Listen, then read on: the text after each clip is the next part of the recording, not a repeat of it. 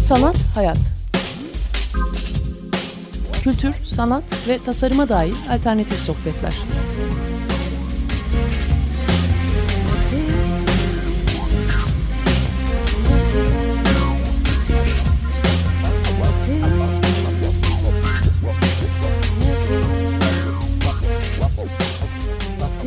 Hazırlayan ve sunan Aslı Kırbaş.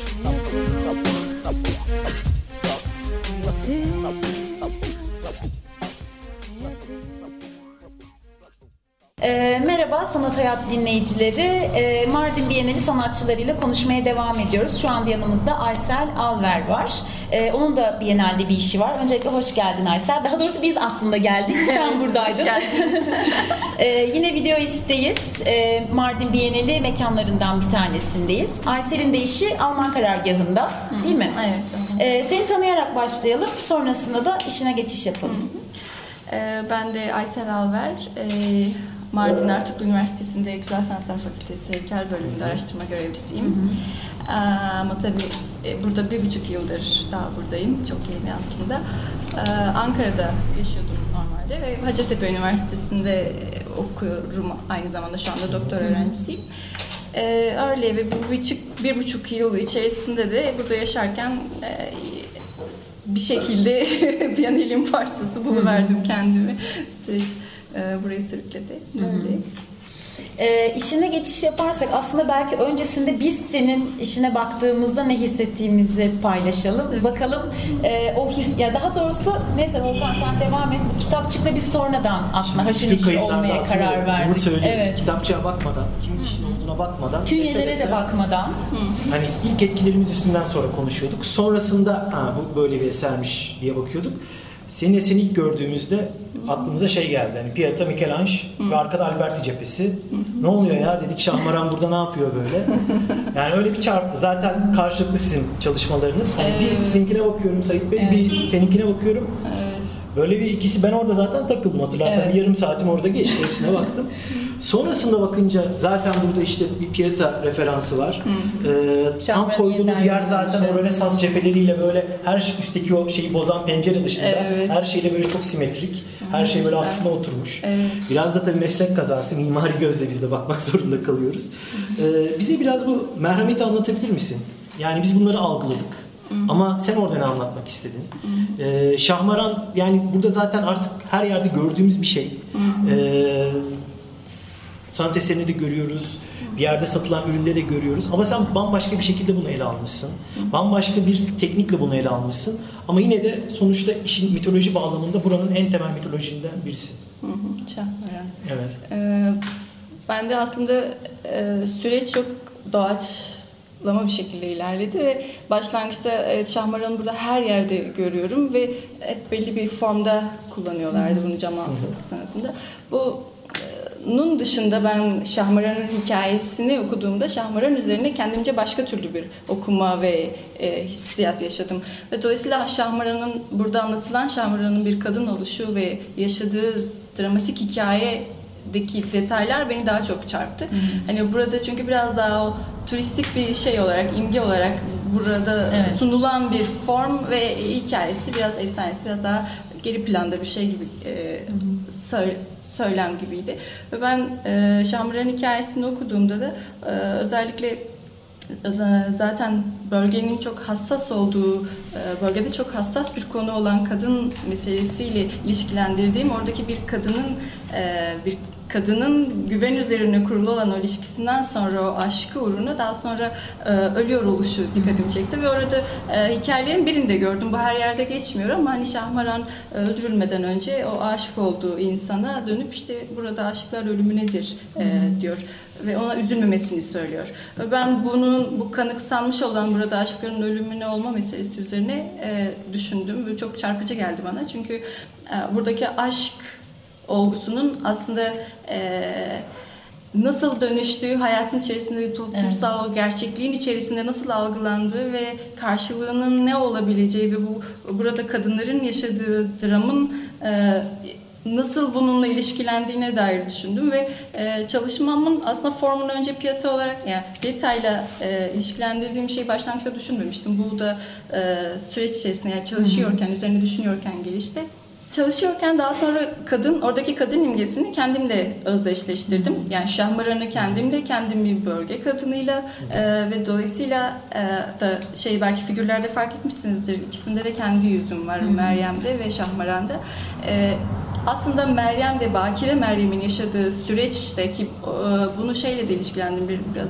E, biliyorsunuz o bina Alman karargahı olarak Evet. kullanıldı. Aynı zamanda Hristiyanlık için bölgenin e, yani Hristiyanlığın doğduğu topraklar olarak buralarında Sait Hoca'nın da söylediği gibi Süryanilerin, Ermenilerin yaşadığı süreç. Yani burada o kültürlerin, dinlerin bir aradalığıyla da ilişkilendirip dolayısıyla o kadın meselesi nasıl evrensel bir e, sorun, bir olgu olduğu üzerinden e, dramatik olan bu meseleyi direkt Michelangelo acıyı dramatik olan ifade etme biçimini ben onu alegori olarak alıp e, İsa'yı kaldırıp yerine Şahmaran'ı koydum. Ve ikisi de aynı kadın olan e, figürler, ikisi de aynı kadın olan figürleri ve bu paradoks olarak o dramın parçası olma e, ve yine kendi taşıyıcısının kendisi oluşuyla ilgili ki o da yine kendim olarak yine bir kadın olarak bu bir şey gibi benim için bir e, geçiş köprü köprücük gibi. Hepsi birbirine bağlanan aslında pür bütün bir hikaye kadına dair bir hikaye diye düşündüm. Ve kompozisyon böyle böyle şekillendi netleşti. E, genel olarak zaten ben son dönemde hep kağıt hamur ile Evet. papyamaşe şeklinde figürler çalışıyordum ve yine kadınlar üzerine, kadın bedeni üzerine kolajlar e, yapıyordum ve bu kolajlarda biraz bedeninin işte tüketim nesnesinin haline gelmesi, anonimleşmesi, karakterini yitirmesi, köylüyken kentli olma çabasındaki kadının nasıl deforme olduğu, bütün bu süreçleri çalışıyordum ve burada da yine aslında o deforme oluşu, o yıpranışı e, şeyde kadının o bedeni yüzündeki o ekspresyondaki şey kolajlarda bunu görebilirsiniz. Ee, pür, temiz, pırıl pırıl bir şey değil de daha çok yıpranmış, daha çok deforme olmuş, daha çok e, tahribata uğramış bir form olarak ve daha çok dediğim gibi e, dramatik olan o ekspresyonu vermeye çalıştım. Biraz daha böyle bir çalışmaydı. Ya valla eline sağlık. Ben gördüğümde bir çarpı bir etkilenmiştim. Sanatçısıyla konuşma şansı elde eden şanslı insan olarak çarpı iki şeklinde şu an tekrar etkilenmiş durumdayım. Ee, peki bir şey merak ediyorum. Volkan var mı ekleyeceğin bir şey? Şimdi lütfen devam et.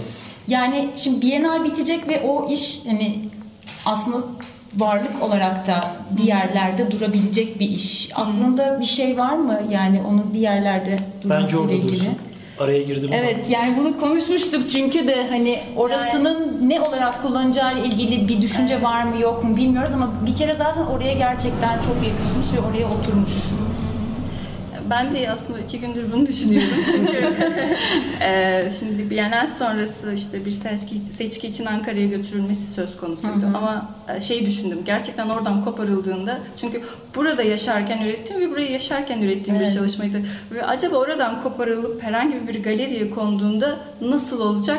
Endişelendim açıkçası ve merak ediyorum. Eee, hani gidecek evet sonuçta orada kalamayacak sanırım Evet. ve burada Mardin'de de kalamayabilir sanmıyorum. Dolayısıyla gittikten sonraki süreç onun için çok e, ilginç olacak bence. Algısı değişecek ve yeni bir okuma başlayacak belki. Çünkü durduğu mekan bambaşka bir şey. Evet. e, okuma verecek ona mutlaka. O yüzden mm, böyle yani gidecek buradan. Yeni hikayeler bekliyor. evet yeni bir macerası olacak.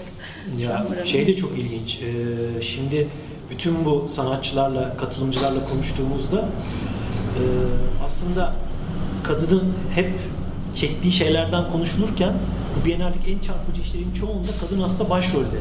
Senin işinde de öyle. Sait Bey'in fotoğraflarında %60 aslında kadınlar var oradaki. Ee, poz verenler. Hem kadın kadına hem kadın erkek. Ee, Canan'ın işi zaten kadınlık doğurganlık meselesiyle yüzleşmeye çalışan bir iş. Ee, ya kadın meselesini burada bu, bu coğrafyadaki mitolojilerde kadının yeri ne sence? Yani böyle hep bir dramatik yerde mi yoksa çünkü ben biraz da daha yaratıcı tarafta gibi hissetmeye başladım. Yani başka bir dinamiği var Evet. kadınların kesinlikle Evet, evet. ama Yani o- baskılanan tabii bir boyutu da var. Evet ama o baskının yanında ben o yaratıcılığı da hani bu hikayelerle sizin aktardığınız şeylerle görmeye ver. Kadının üretkenliği, yaratıcılığı çok kritik bir şey gibi hissediyorum. Ona katılıyor musunuz?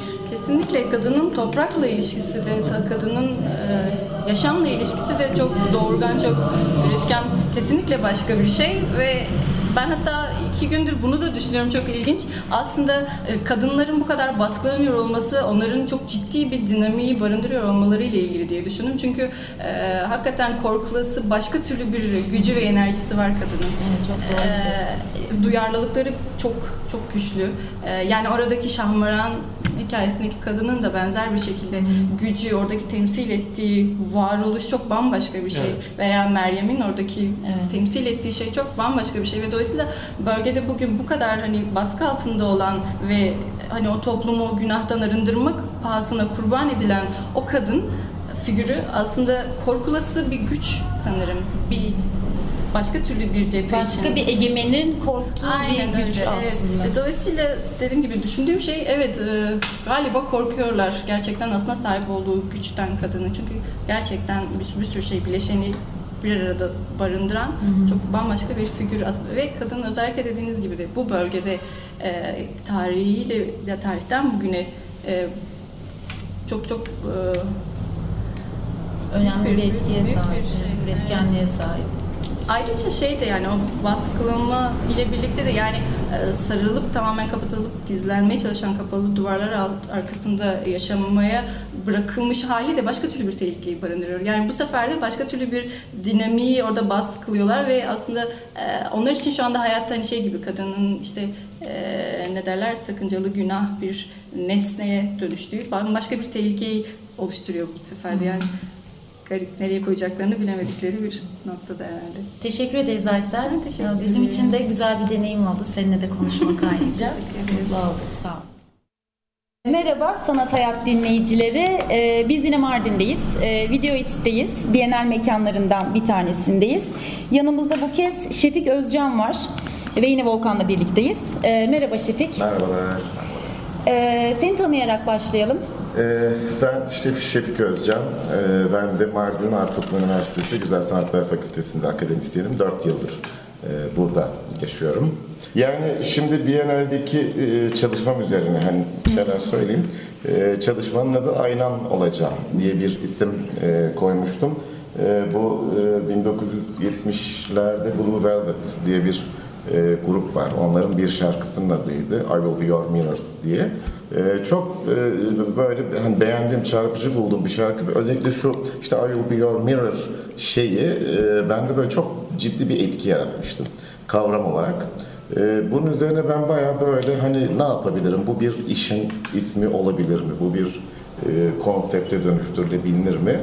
E, Biennale dahil ettiğim iş de sadece bu Biennale vesilesiyle as- aslında artık açığa çıkan yani e, böyle görünür kıldığım bir iş oldu. Yoksa 3-4 yıllık bir proje kafamda ama bir türlü hani bunu e, yapabilir miyim, yapılabilir mi, yapılmalı mı gibi bir kaygı süreci vardı ve böyle işte Biennale sürecine denk geldi ve böyle bir şey yaptık. E, bayağı böyle e, aylarımı harcadığım bir iş. E, giyilebilir bir zırh. Madeni 1 liraları kullanarak e, oluşturduğum bir zırh. Çok da ağır, yaklaşık 20 kilonun üzerinde giyemiyorsunuz yani öyle. Şimdi tabii zırh e, nedir? Şimdi benim genel olarak e, çalışmalarım ben çok böyle kavramların peşinde gitmeyi seven biriyim. Yani e, kavramlardan korkmamak gerektiğini ve kavramların böyle peş- peşine düşmek. Çünkü hepsinin kendi hikayesi var. E, bir de kavramların bana göre e, plastiktirler. Yani onları eğip bükme, e, e, ondan sonra kendine göre kılma, biçimlendirme e, şeyleri var. O anlamda maddedirler yani. E, şey de e, bu I will be your mirror, ayna olacağım.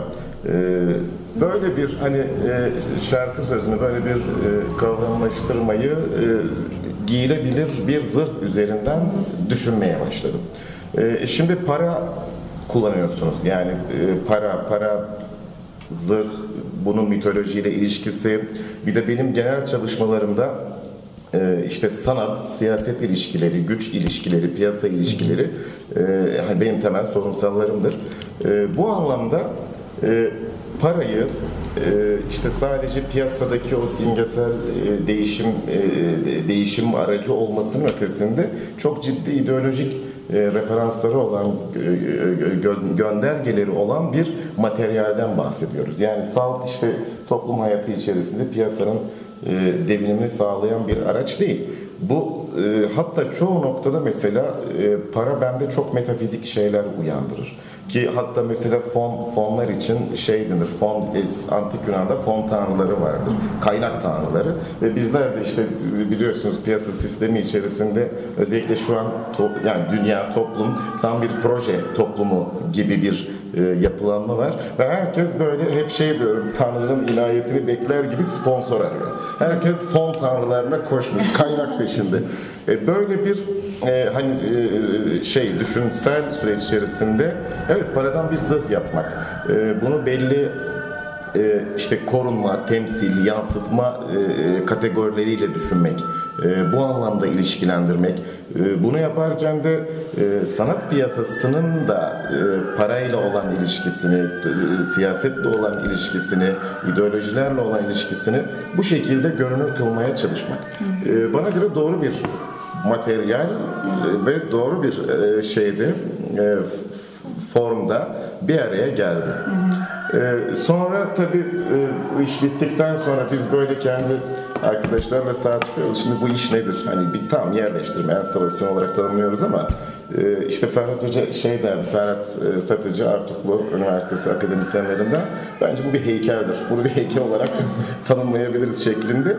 E, iş bittikten sonra da ben e, tabii Bienal programına dahil değil ama ee, bir de böyle bir kaçak video yaptım. Onu da böyle birkaç gün e, şeyde e, Alman dergahında sergileme imkanım oldu.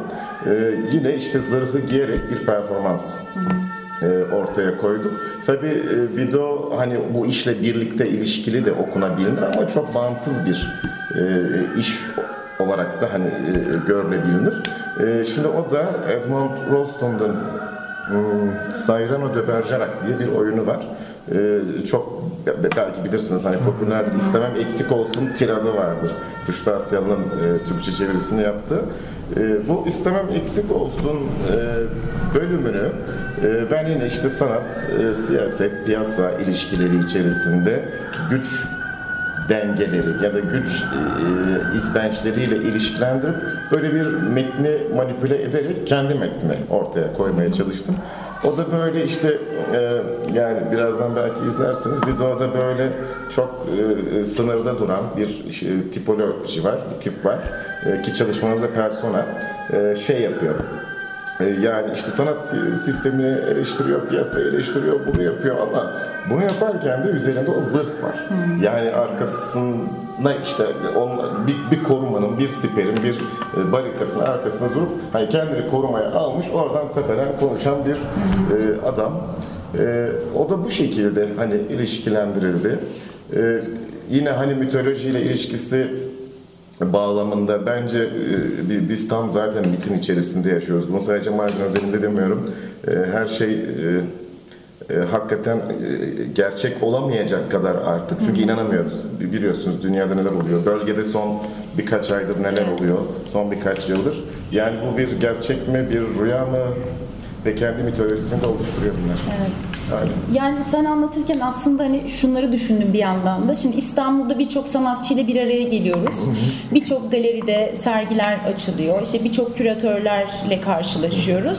Ee, ama burada e, işte birkaç gündür sanatçılarla Mardin'de yaşayan bu Biennial'in içerisine bir şekilde dahil olmuş insanlarla konuşurken hep şunun özgürlüğünü ben kendi adıma hissettim sanat eleş sanat ortamının eleştirisini yapmak, sanatın piyas- piyasalaşmasını eleştirmek, e, işte belki sipariş ve ısmarlama işi hiç düşünmeden özgürce kendisini o temalarla, kavramlarla bir arada bırakıp tamamen üretime odaklanmak konusunda biz İstanbul'da hep bunu konuşurken bazen de kayıt dışında özellikle konuştuğumuz kısma denk geliyor. Bu da bir soru işareti. Bu özgürlüğü yaşayamayan birçok aslında sanatçı var. Ama buraya gelip konuştuğumuzdan beri hep o kendi kendilerinin yani özgürlüğünü, o piyasanın içerisinde e, var olmayan ve aslında o piyasayı da bir anlamda kendinden uzak tutan bir özgürlüğü hissediyorum. Sen anlatırken de Evet. e, bu Doğru. Şimdi aslında bu hani şey böyle çok e, klişe bir merkez çevre şeyiyle periferi, merkez bilmem ne bu, bu şeylerle düşünüp bir şey söylemek istemiyorum. E, ama e, şu, şu var yani şöyle bir gerçeklik var. E, sadece sanat için de söylemiyorum söylemiyorum bunu. Şimdi piyasanın e, kendi kendi bir e, dinamiği var. Yani o piyasa içerisinde olmak e, işleri hakikaten başka türlü Evet. kılıyor. E, en kötüsü de bana göre göbekten sizi bir yere bağlıyor. Evet. Bu bağlılık e, yani işte nedir? Kazanmaya başlıyorsunuz. Şimdi kazandığınız zaman e, ilişkilenme biçimleriniz değişiyor. O sözünü ettiğim güç ilişkileri, güç dengeleri içerisinde evet siz parayla e, bir bir yere geliyorsunuz. Bu tabii ki sizi bir sürü noktada bir yerlere sorumlu kılıyor. Dediğinize, söylediğiniz şeylere dikkat etmeye başlıyorsunuz. Evet. ilişkilerinize dikkat ediyorsunuz. Şimdi bunlar tabii ki yani özgürlüğü, o öz, öz, tabii tabii evet. çok ciddi etkileyen şeyler. E bizim e, yani buradan hani bu, bu derken hani dünyanın her yerinde böyle yani merkezde değilseniz dışarıdaysanız evet sizin böyle tepeden konuşma hatta kendini de böyle çok tiye alıp kendinle de alay etme imkanınız oluyor. E, bu özgürlük müdür? Bunu da bilmiyorum. Özgürlük olarak mı değerlendirilmeli? O konuda çok emin değilim. Yani evet ama belki o sanatçının konuştuğu andaki rahatlığı bile hani benim biraz böyle Tabii, tabii. hani karşılıklı Tabii. Yani evet yani bu, bir şey bu var, var. bu var, tabii bu var ama işte dediğimiz gibi bunların e, şimdi sistem çok akıllı bu konularda. Şöyle söyleyeyim. Yani e, sistem gerçekten muhalif olanı çok iyi tanıyor bana göre. E, onun dışında söylenen, bilmem yapılan işte eleştirel durumlar, mesafeler e, bunlar arasında ciddiye alınabilecek şey e, o yapı içerisindeki güç dengelerini sağlayabilen dahil oluyor. E zaten eğer böyle bir e, e, yapıyı gerçekten ciddi olarak ortaya koymuşsanız sistem sizi anında içine alır. Evet. E, e, ondan sonra işlevsiz, işlevsizleştirir. E, tümüyle o özgünlüğü, özgür tavrı e, elimine etmenin yollarını bulur. Aslında Öyle yani. söylediğin şeyler bana şunu kafamda canlandırdı. Senin işinle ilgili ve işinin anlattığı şeylerle ilgili. Ee, bu mülksüzlerin girişindeki duvarı anlattığı zaman ortada boşlukta duran bir duvarın neresinin iç neresinin dış olduğu baktığın tarafa göre değişiyor ya. Aslında mesele biraz merkez periferi gibi bir şeyden bakmaktan çok. Aslında biz de şu anda o zırt gibi bir şeyin arasından bakıyoruz. Yani Evet. mesela buradan merkez dediğimiz alanlara hani isim vererek hani İstanbul'a mesela İstanbul'un sanat dünyasına baktığımızda aslında biz de o zırhtan konuşuyoruz. Ama burada Tabii. so- soru şu. Zırhı giyen aslında bir taraf yok. Yani onlara göre onlar zırhı giymişler. Ama aslında onlar da zırhın içinden bakıyorlar biz ama biz de aslında başka bir zırhın içindeyiz burada konuştuğumuz zaman. tabii, tabii. Yani bu aslında bir şey üstüne giymekten çok aklıma o duvar metaforunu hep getirdi. İç dıştan çok bu para başka bir perde gibi çalışıyor. Evet. Ve bu perde aslında bir yanılsama ve ben şeyde kesinlikle katılıyorum. Para şu anda tamamen bir soyut kavram. Senin metafizik olarak Tabii. anlattığın şeyler. Yani ekonomi de aslında bu yüzden günümüzde ne kadar bilimsel bir şey olarak anlatılsa da aslında hurafelerle giden, söylentilerle giden bir Evet, şey. Çünkü kendi gerçekliğinde zaten Evet. buranın kavramın köklerine baktığınız zaman hiç de böyle piyasayla ilişkili olmayan bir şey. Parayla ilişkili olmayan bir şey. Tümüyle işte yer, yerle, toprakla, yutlukla, eko yapısıyla, doğa doğayla ilişkili bir kavram. Ama işte sonrasında bunun belli bir piyasa kavramlaştırması olarak ele alıyoruz. O yüzden de bütün bunlara baktığımda aslında mitolojiye tam da buradan bir göbek bağıyla bağlanıyor. Yani Evet. paranın kendisi aslında o mitoloji, mitolojiyi yaratıyor. Evet, evet, Çünkü evet. sanatı bir değer olarak para üstünden yorumlamaya başladığımızda o başka bir şeye dönüşmeye Tabii. başlıyor. Bir de yani şimdi tarihsel olarak da mesela e, e, bakıyorsunuz işte eski e, antik dönemlerden günümüze kadar işte o madeni paraların üzerinde neler vardır? Kralların bilmem kimlerin Evet. armaları, resimleri yani tümüyle e, gücü gücü ortaya koyan şeyler var. Şimdi bunlar çok ideolojik meseleler. İktidarın Tabii aleti. iktidar, iktidara dair şeyler. E, halen de öyle. Evet. Halen de bakıyorsunuz değişen hiçbir şey yok.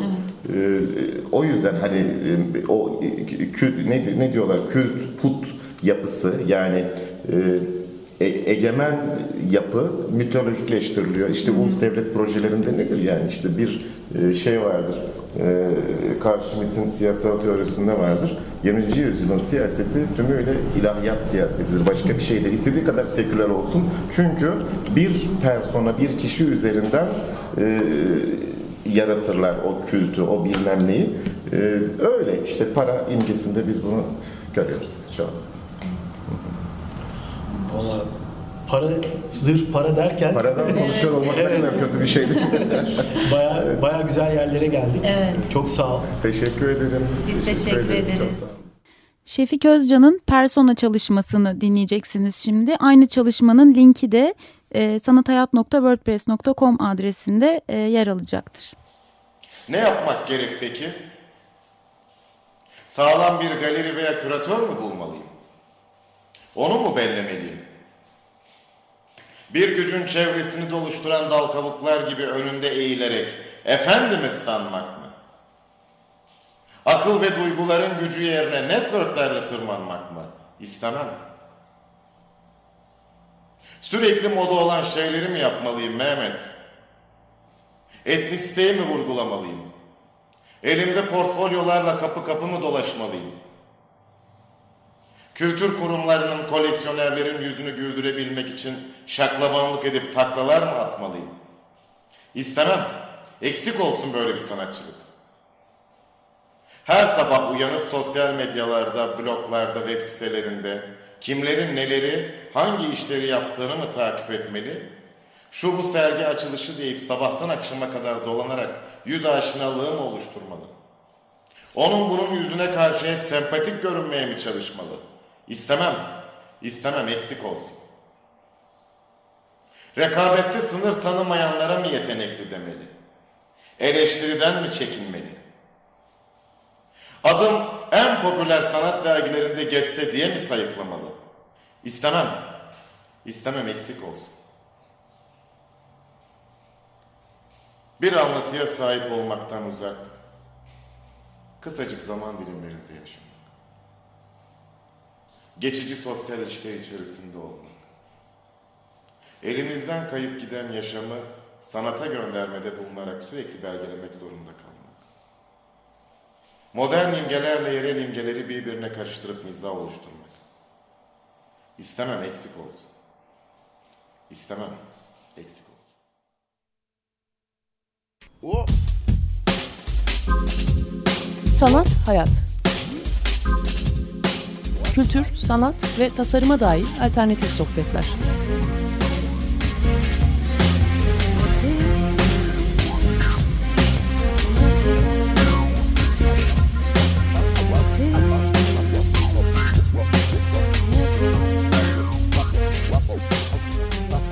Hazırlayan ve sunan Aslı Kırbaş.